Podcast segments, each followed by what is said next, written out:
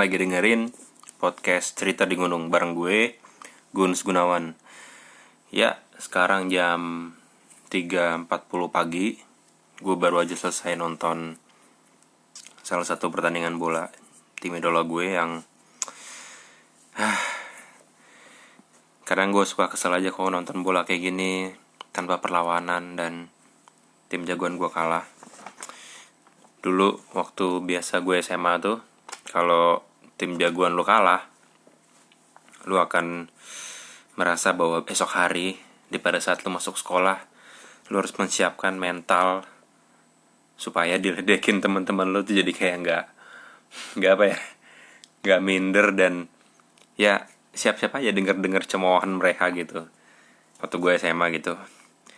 But um, kita nggak akan ngomongin masalah gue di SMA dulu tentang tim bola gue dan gue juga nggak akan ngomongin soal hasil pertandingan dan jalan pertandingan tapi kita akan ngomongin tentang hmm, gue akan ceritain tentang salah satu pengalaman gue naik gunung seperti biasa. Uh, di episode ini uh, gue akan menceritakan tentang pengalaman gue naik gunung di Jawa Tengah. Hmm, gunungnya yang diapit oleh Kabupaten Boyolali, Magelang, dan Kabupaten Semarang. Well, bagi pecinta naik gunung nih, ya, pada kira-kira kira-kira kalian udah nebak belum? Hmm, gunung apa yang akan gue bahas yang akan gue ceritain? Sebenarnya sih nggak usah ditebak ya. Kalian udah baca episode ini aja kalian pasti udah tahu. Gue mau ceritain tentang pengalaman gue naik gunung merbabu sama kawan-kawan gue yang gue daki di tahun 2016 lalu Yap, gue akan ceritain dari awal berangkat sampai gue turun balik lagi ke Jakarta. Hmm, kenapa Gunung Merbabu? Ini Gunung Merbabu ini spesial banget sebenarnya buat gue karena satu hal mungkin ya sepele banget buat kalian yang suka naik gunung atau sering naik gunung. Cuman buat gue Gunung Merbabu ini adalah gunung pertama di mana gue nanjak dan gue kehujanan. Kehujanan gitu. Pertama kali tuh gue nanjak uh, gue naik gunung dan pas naik gue hujan di situ hujan di gunung yang gue tuju tuh hujan Well, gimana kita seru dan cerita gue naik gunung merbabu dengerin terus podcast cerita di gunung. Well, tentunya cerita diawali dari ajakan salah satu kawan gue. Jadi sebenarnya selama gue naik naik gunung eh, yang udah lewat, aslinya soal naik gunung ini gue baru pertama kali namanya jadi event organizer. Itu pun pas gue naik cuma bertiga sama uh, kawan-kawan kantor gue yang dulu. Kantor gue yang sebelum kantor gue yang sekarang. Jadi gue lebih sering ya diajak aja gitu. Jadi off nowhere uh, teman gue ngajak gue nanjak gunung merbabu jadi pas saat itu kawan gue yang ngajak gue itu sambil ngerekrut beberapa orang yang notabene juga sering naik gunung. Kalau kalian dengerin podcast gue yang hmm, gunung bongkok nah empat orang dari personel Gunung Bongkok itu naik gunung berbabu bareng gue termasuk cewek yang namanya Betty. Gue naik gunung berbabu itu total hmm, tujuh orang. Itu udah termasuk gue. Jadi ada ada empat orang dari yang personel gunung bongkok gue dan dua orang baru yang baru gabung untuk naik gunung berbabu oke lanjut. Temen gue yang ngajakin gue itu sebut saja namanya Wastu di hari yang sama dia langsung di hari pas ngajakin gue ya dia langsung minta gue kirimin KTP ngirimin KTP buat beli tiket kereta kan. Nah habis itu ya gue kasih aja karena tanpa beban juga karena dia yang bayarin dulu gitu kan dia bilang ya udah ya udah lah ya kan. Nah seingat gue itu gue persiapan tuh dua bulan buat naik. Kalau sesuai info di foto Facebook gue kan kalau di Facebook kan biasanya ada tanggal waktu lo ngepost kan. Nah gue naik itu tanggal gue mulai nanjak itu tanggal 21 Mei 2016 berarti gue diajak kawan gue itu sekitar hmm, bulan Maret lah ya. Bulan Maret dua bulan kurang lah. Cuma gue lupa tanggal ya gue lupa, bener -bener lupa tanggal nah pas udah full kumpul tujuh orang. Waktu itu dibuatin grup BBM ya. BBM dulu masih ngehits banget kan ya. Sekarang kan udah say goodbye.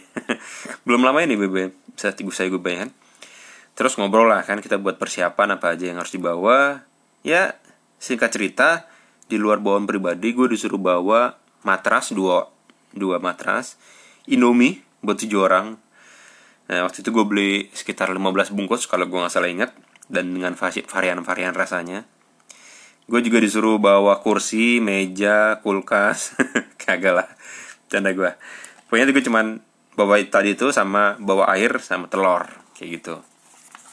Kurang lebihnya kayak itu. Sisanya uh, udah disewa sama teman gue dari tempat penyewaan.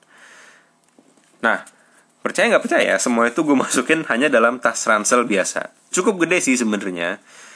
Cuman gue masukin tas ransel aja gitu pokoknya semua itu muat. Gue masukin dalam tas gue itu.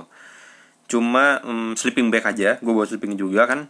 Gue taruh di luar itu uh, gue taruh di luar aja gitu sleeping bagnya. Gue bawa gitu. Nah setelah ngobrol-ngobrol dan tugas lampu udah dibagi-bagi tugas gue ya cuma bawa itu aja. Nah setelah ngobrol-ngobrol itu sembari jalan untuk menuju hari H gue nanjak. Gue mulai olahraga lagi kan ya. Mulai lari-lari. Lari sore santai sampai akhirnya hari yang nanjak pun datang hari hanya itu datang. Berarti kalau sesuai informasi berarti tanggal 21 Mei 2016 itu gue kumpul sama kawan-kawan gue janjinya di stasiun Senen kan? Nah pas sampai ke stasiun Senen eh, eh by the way gue dari rumah naik komuter lain dari komuter lain terus gue nyambung ke stasiun Senen. Nah terus pas sampai stasiun Senen gue nyampe ke berapa ya? Gue lupa jadi gue nyampe udah ada udah ada teman gue beberapa terus pas gue nyampe temen gue nyampe itu duluan tuh kaget ngeliat bawaan gue cuma satu tas ransel sama satu sleeping bag doang. Tuh kan? Dan sleeping bagnya tuh kayak tadi gue bilang gue nggak gue nggak masukin dalam tas tapi nggak gue pegang tapi gue tali di atas tas gue gitu kan. Terus salah satu teman gue bilang lu bawa itu doang? Gue jawab santai yoi. Terus pada geleng-geleng kepala kan. Nah gue gak tahu waktu itu eh, kayaknya gue nggak bawa carrier itu kenapa ya? Kayaknya sih karena carrier gue rusak gitu. Carrier gue rusak di nanjak sebelum gunung merbabu itu.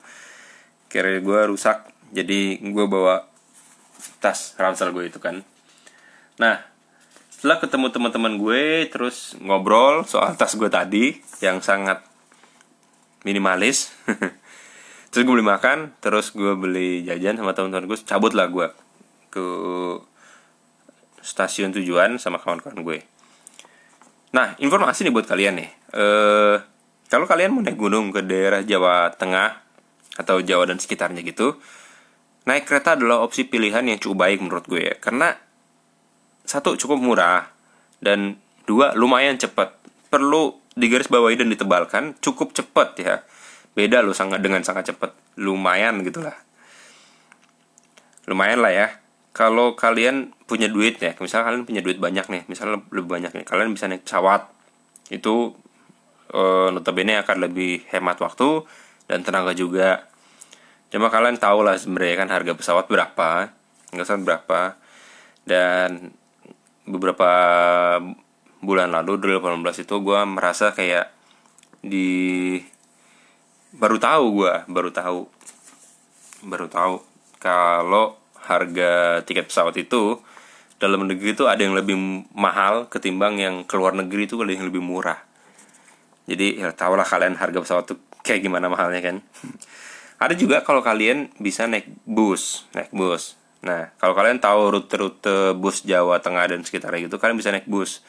Terlebih keunggulan kalau naik bus itu biasanya kalian bisa langsung deket ke tempat tujuan kalian. Jadi nggak nyambung transportasi lainnya itu lama jadi kalian bisa langsung nyambung ke kaki gunung atau bisa disebut base camp pendakian. Kalau dari stasiun kereta kan biasanya lumayan jauh.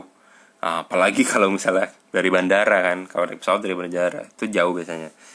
Tapi sebenarnya jadi jadinya kalian tergantung efisiensi kalian aja. Ya memilih kendaraan umum bisa kalian pilih sesuai ongkos dan waktu kalian sih kayak gitu Nah, gue berangkat sama kawan gue Wastu dan tiga orang lainnya dari stasiun Senen. Sedangkan dua orang itu ketemu di stasiun tujuan karena mereka dari Jogja kan.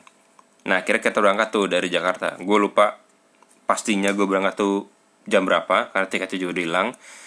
Yang gue ingat adalah gue menuju tuh stasiun stasiun Solo Balapan dan gue jalan tuh sama si keretanya itu kurang lebih 8 atau 9 jam lupa pastinya dan di pas eh, pastinya ya kan gue di perjalanan gue boker satu kali gue mabok tiga kali sampai minyak kayu putih temen gue yang cewek tinggal setengah botol.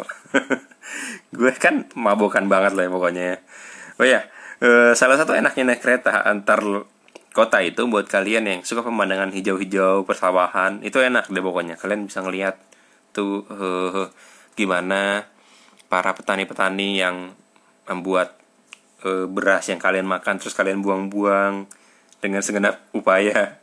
Kalian bisa lihat tuh. Ditambah kadang-kadang ada sungai dan danau danau-danau yang cukup gede ngalir cukup deras gitu. membuat kayak perjalanan kalian itu nggak bosan-bosan banget sih kayak gitu. Gue kalau naik kereta itu kereta jauh tuh paling sering melanggar aturan. Gue paling sering melanggar aturan. Emang parah gue gue sering tuh kalau lagi kereta jalan kencang gue masuk ke gerbang sela-sela gerbang eh sela-sela gerbong maksud gue. Terus gue buka pintu gerbong buka pintu tuh yang sebelah kanan kalau kiri kalau kalian ingat. Terus gue ngeluarin pala gue terus gue ngerasain angin kencang banget gitu. Kayak gitu. Nah itu sedikit membuat mabok gue hilang walaupun cuma sementara doang. Gue pernah pas ngeluarin kepala gue itu terus ada anak-anak desa gitu gue nggak tahu mereka lagi tapi mereka lagi mereka uh, tiba-tiba pas datang kereta gue datang gitu mereka lari. Terus mereka melambaikan tangan gitu kan. Nah terus gue refleks gue melambaikan tangan juga.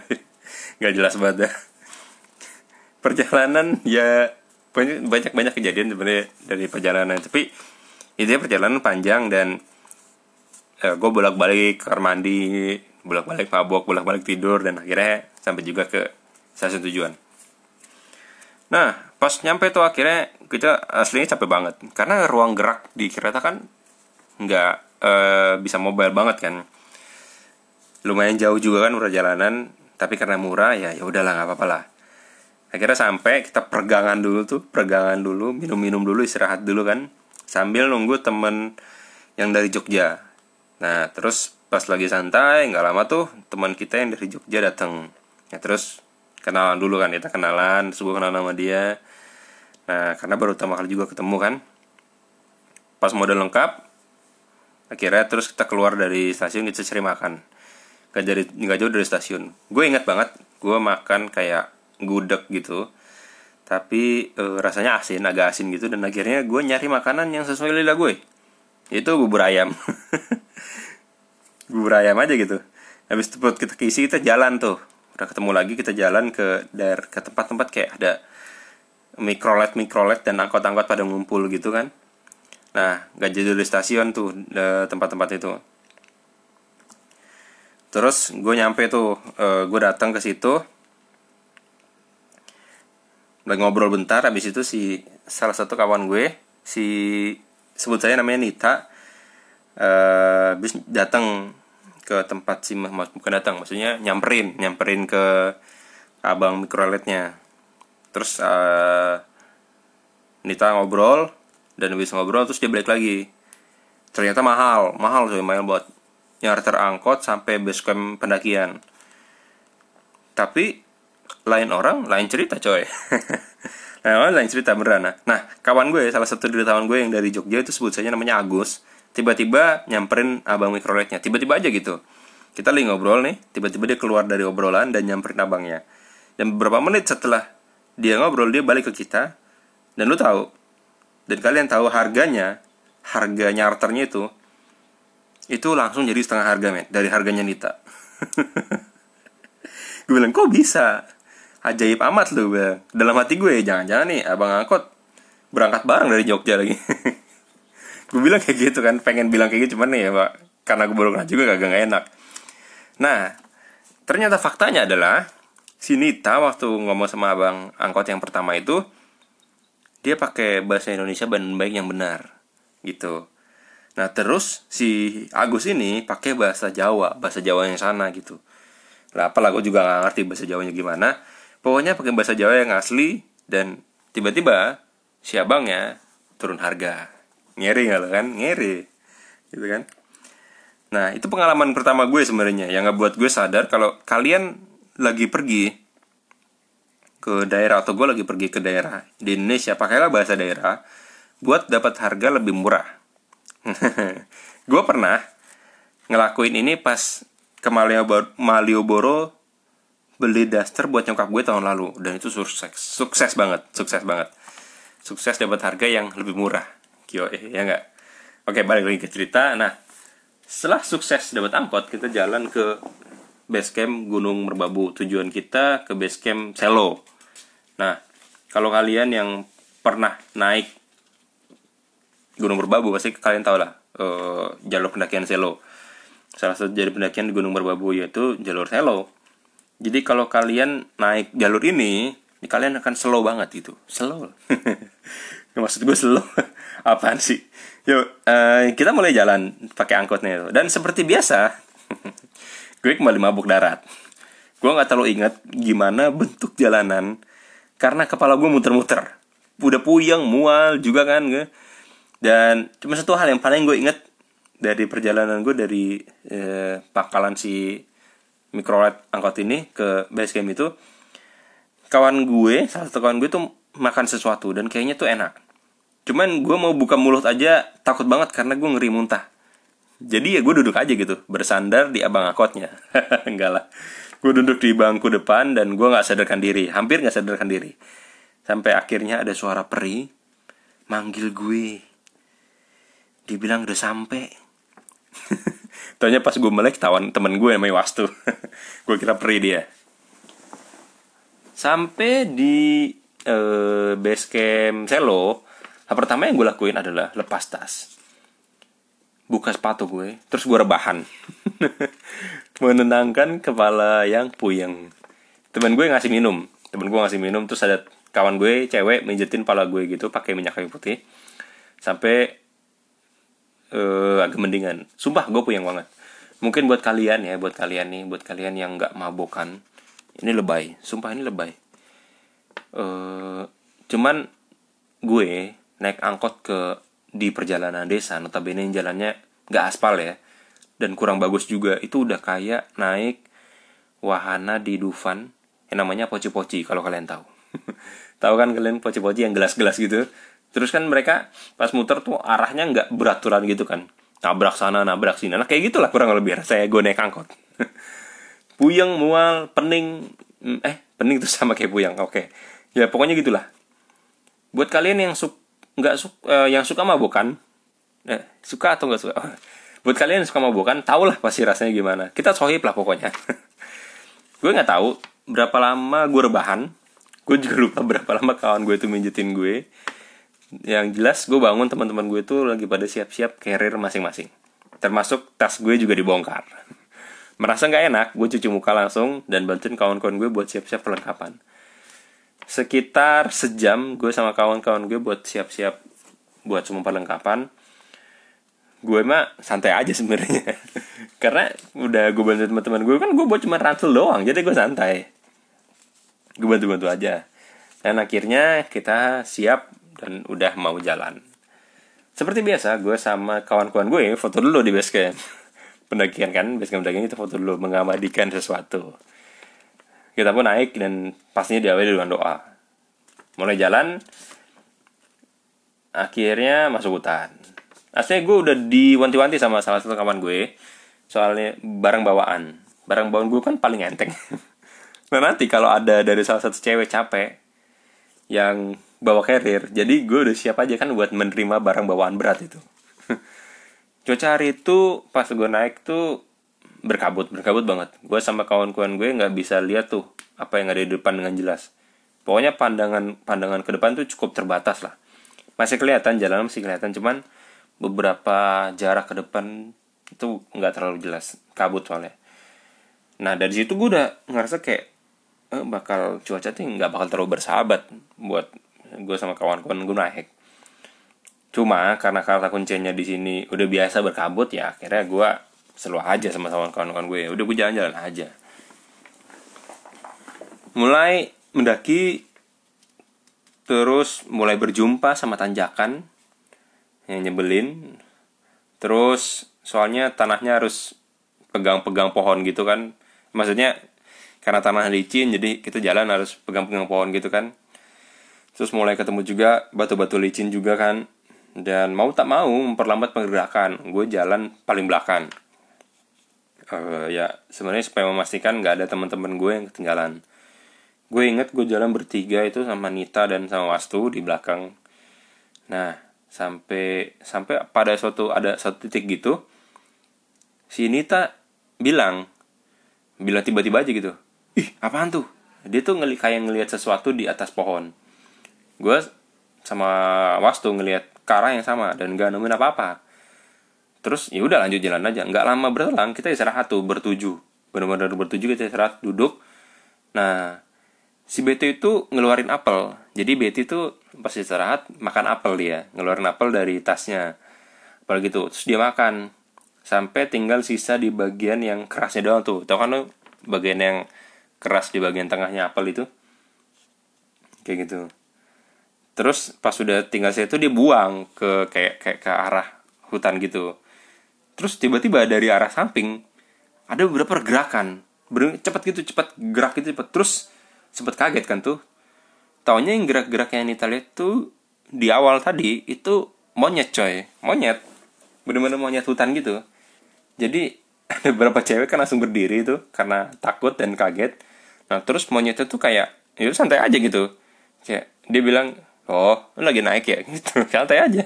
Santai aja gitu. Kayak nggak ada terjadi apa-apa habis itu dia ngambil sisa apel yang dimakan sama Betty tadi gitu. Enjoy aja gitu ngambil. Terus kasih tuh. Abis itu pas udah itu gue minta. Gue nih gue minta. Jadi gue bilang sama Betty masih ada apa lagi nggak? gitu. Masih katanya gitu ya udah kan eh, bagi dong gitu. Habis itu gue potong kan gue gue ambil gue potong bagian bagi salah satu bagian gitu kan. Dan iseng aja gue gue pengen ngasih makan si monyet itu gitu kan.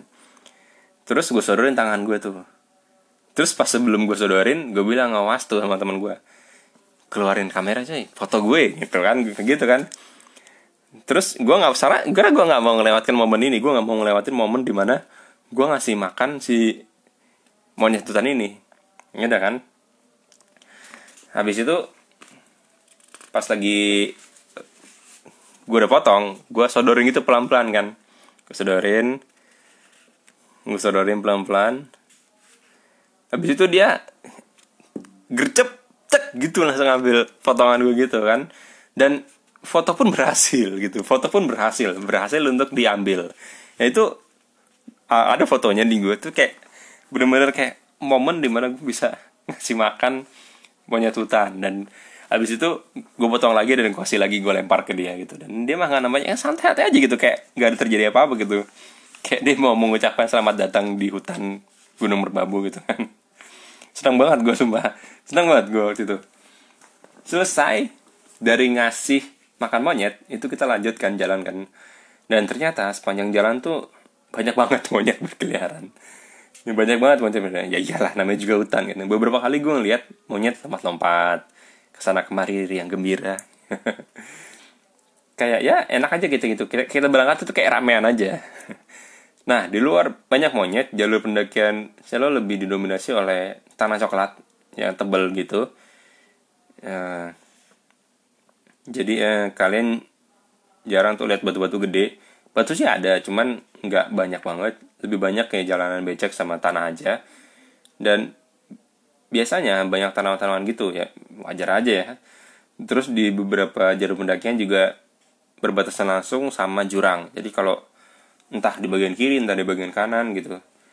Maksudnya gue bilang jurang itu bukan yang jurang tebing gede-gede itu bukan ya tapi kayak tepian jalan yang pinggirnya itu jalanan yang langsung ke arah bawah gitu tanpa ada pegangan atau apalah gitu yang bisa buat jalan gitu. Kayak gitu jurang yang gue maksud. Kalau kepleset ya ya wassalam lah. Tapi jalannya sendiri tuh cukup gede jadi nggak terlalu mengkhawatirkan gitu. Nggak bahaya-bahaya banget. Pastinya banyak pohon-pohon gede dan ada beberapa pohon yang kayak tumbang gitu entah kenapa ngebuat jalan tuh jadi agak susah. Dikit ngelompat dikit-dikit nunduk bahkan kadang dua-duanya buat ngelewatin pohon-pohon yang tumbang-tumbang itu ya pastinya capek nggak terelakkan gue sama kawan-kawan gue juga banyak istirahat kayak gitu kan nah di taman gunung di Taman Nasional Gunung Merbabu sebenarnya nggak jauh-jauh beda sama Taman Nasional gunung-gunung lainnya. Banyak flora dan fauna hidup dalamnya. Apaan sih? Kok tiba-tiba ngomong sejarah gitu, ngomongin geografis, ngapain? Oh lupa lupa. Balik ke cerita gue. Nah, setelah berperjalanan, eh, kita ketemu namanya namanya camping ground. Nah, di situ di bagian ini kita nggak lama sebenarnya. Ketemu ketemu ke camping ground, istirahat bentar, nggak lama, cuman habis itu kita lewat doang jadi di sini gue sama kawan-kawan gue lihat banyak orang camping. Ya namanya juga camping ground. Rata-rata camping di sini tuh nggak muncak. Jadi kalau udah dari base camp terus kalian naik berapa jam mungkin nggak nyampe dua jam sih. Kalau seingat gue nggak nyampe dua jam. Itu kalian akan nemu camping camping groundnya eh, Gunung Merbabu. Nah di situ eh, biasanya yang camping itu nggak muncak. Cuman ya camping aja gitu. Camping aja gitu nggak nggak nggak nggak apa nggak sampai uh, puncak gunung atau naik lanjutan gitu nggak. Terus kita lanjut kita ke pos 1 itu pos 1 namanya Dok Malang. Nah nggak lama juga kita lanjut. Nggak banyak hal yang terjadi di situ terus pas di pos 2 tikungan macan. Nah gue kayak langsung parnoan. Jadi di pelangnya itu kan tulisannya ya namanya aja tikungan macan gitu.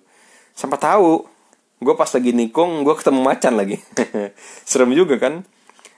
Namanya juga tikungan macan ya gue lewatin aja sama kawan-kawan gue karena kita ngejar waktu juga. Sampai akhirnya kita sampai di Sabana satu. Di Sabana satu itu luas banget. Kayak di Timur Tengah padang pasir tanpa henti kagak lebay. Nah pokoknya tanah luas gitu aja. E, terus sampai di Sabana satu ada pendaki yang turun. Turun tuh. Dari pendaki yang turun aja dari atas itu. Aslinya dari awal pendakian pun banyak pendaki turun. Cuman pas di Sabana satu kita mulai menunjukkan wajah-wajah penuh penderitaan. Terkesan tujuan tidak sampai-sampai. Juga kaki terasa berteriak-teriak gitu. Untuk menyerah dan akhirnya salah satu kawan gue nanya puncak masih jauh kang? Gitu kan. Dijawab deket. Paling dua jam lagi lah kata gitu. Nah ini. Nah ini.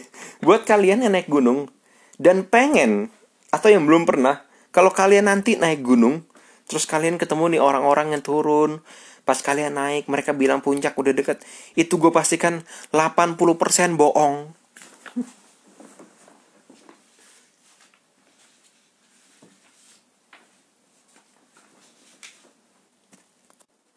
Kenapa gue bilang gitu? Kebohongan di gunung soal jarak tuh sudah sering terjadi. Dan gue pun pernah melakukan kebohongan itu. Sebenarnya bohong soal jarak di gunung itu tujuannya baik. Biar siapa aja yang dengerin akan ngerasa termotivasi kembali. Gue pernah denger di salah satu acara. Ini bukan bukan bukan gue yang buat, tapi pembawa acaranya pada saat itu. Tapi gue mendapat berusaha untuk mencontohkannya seperti di acara itu. Contoh nih, bagi siapa pun dari kalian yang guru, kalau kalian ngasih pertanyaan terbuka ke murid kalian. Uh, terus murid kalian salah jawabannya. Jangan bilang ke murid kalian kalau jawaban mereka salah. Jawab aja hampir. Nah murid akan berpikir apa ya apa ya hampir loh hampir loh gitu. Nah otaknya akan muter terus. Tapi kalau kalian langsung jawab salah mereka ngerasa ya gue udah usaha udah mikir jawabannya salah ya, ngapain gitu kan dia nggak akan berusaha untuk menjawab lagi Nah, mereka kan malas mikir. Jadi pakai tuh yang namanya hampir-hampir gitu. Nah, sama kayak di gunung. Kalau pendaki yang lagi turun ketemu dengan pendaki yang naik, terus pendaki yang naik nanya soal jarak. Pendaki yang turun jawab, masih jauh Kang, atau masih jauh banget, atau apalah. Intinya masih jauh. Semangat si pendaki naik juga akan berkurang. Mereka lebih memilih istirahat lama di tempatnya mereka pada saat itu istirahat ketimbang langsung jalan. Ya orang masih jauh. Santai aja lah. Tapi tapi kalau pendaki turun bilang deket.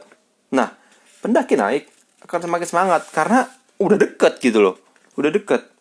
Mendingan istirahat di puncak karena udah mau sampai ketimbang istirahat di tempat mereka sekarang. Gitu pemikirannya. Nah karena gue udah tahu sebenarnya soal kebohongan ini. Gue udah tahu sama kebohongan ini. Dan beberapa kawan gue belum tahu mereka langsung jalan aja. Ya gue jalan juga gue jalan juga gue gue nggak bilang sama temen teman-teman gue kalau gue tahu gue nggak bilang. Gue jalan aja buat mereka juga semangat kan jadi bagus. Ya udah jalan terus kepleset beberapa kali tapi setelah kita sampai uh, preset beberapa kali terus jalan susah beberapa kali terus akhirnya sampai di pos uh, tiga namanya batu tulis. Ya yeah. kenapa gue bisa tahu? Karena ada pelangnya. Dan gue foto di situ. Ada nih fotonya. Nah kita istirahat dan makan beberapa cemilan. Ya biasa lah ya kan. Dilakuin sama beberapa pendaki kalau naik. Akan tetapi pas istirahat terjadilah obrolan. By the way di batu pos tulis itu udah di ketinggian 2500-an ya. 2500-an mdpl jadi udah lebih dari setengah jalan. Dan salah satu kawan gue si Betty mulai merasa dia nggak kuat. Dia bilang dia capek banget dan rasanya mulai nggak sanggup buat jalan. Tapi kita udah terbilang deket gitu. Sayang banget kalau sampai dia gagal di sini dan akhirnya keputusan pun diambil. Keputusan diambil yaitu dia akan tetap jalan. Tapi bawaannya itu ditinggal. Nah kalau kalian tahu kan gue bawa ransel. Gue bawa ransel doang. Nah habis itu tuh setelah mereka ngobrol si Betty sama beberapa kawan gue tuh jalan aja gitu. Jalan aja sambil jalan gak bawa apa-apa. Terus teman-teman gue yang lain sambil memotivasi dia untuk ayo jalan bisa lah bisa lah gitu. Jalan aja. Dan karirnya ditinggal begitu aja ditinggal aja gitu. Dan ya mau tak mau karena gue cuman gue yang bawa bawang bawa ransel dan sangat berat itu. Ya gue bawa lah kira-kira karirnya Katie. Eh si Betty. Bersama ransel gue di depan dan pas udah pakai ranselnya Betty taruh tas gue di depan dan mulai berdiri lagi nemuin langkah lagi beberapa tetes hujan mulai membasahi gue. Kayak gitu. Yep hmm, gue akan sambung di episode 2 jadi eh, maksud gue di bagian 2 eh, minggu depan. Jadi jangan sampai ketinggalan terus dengerin podcast cerita di gunung. Bye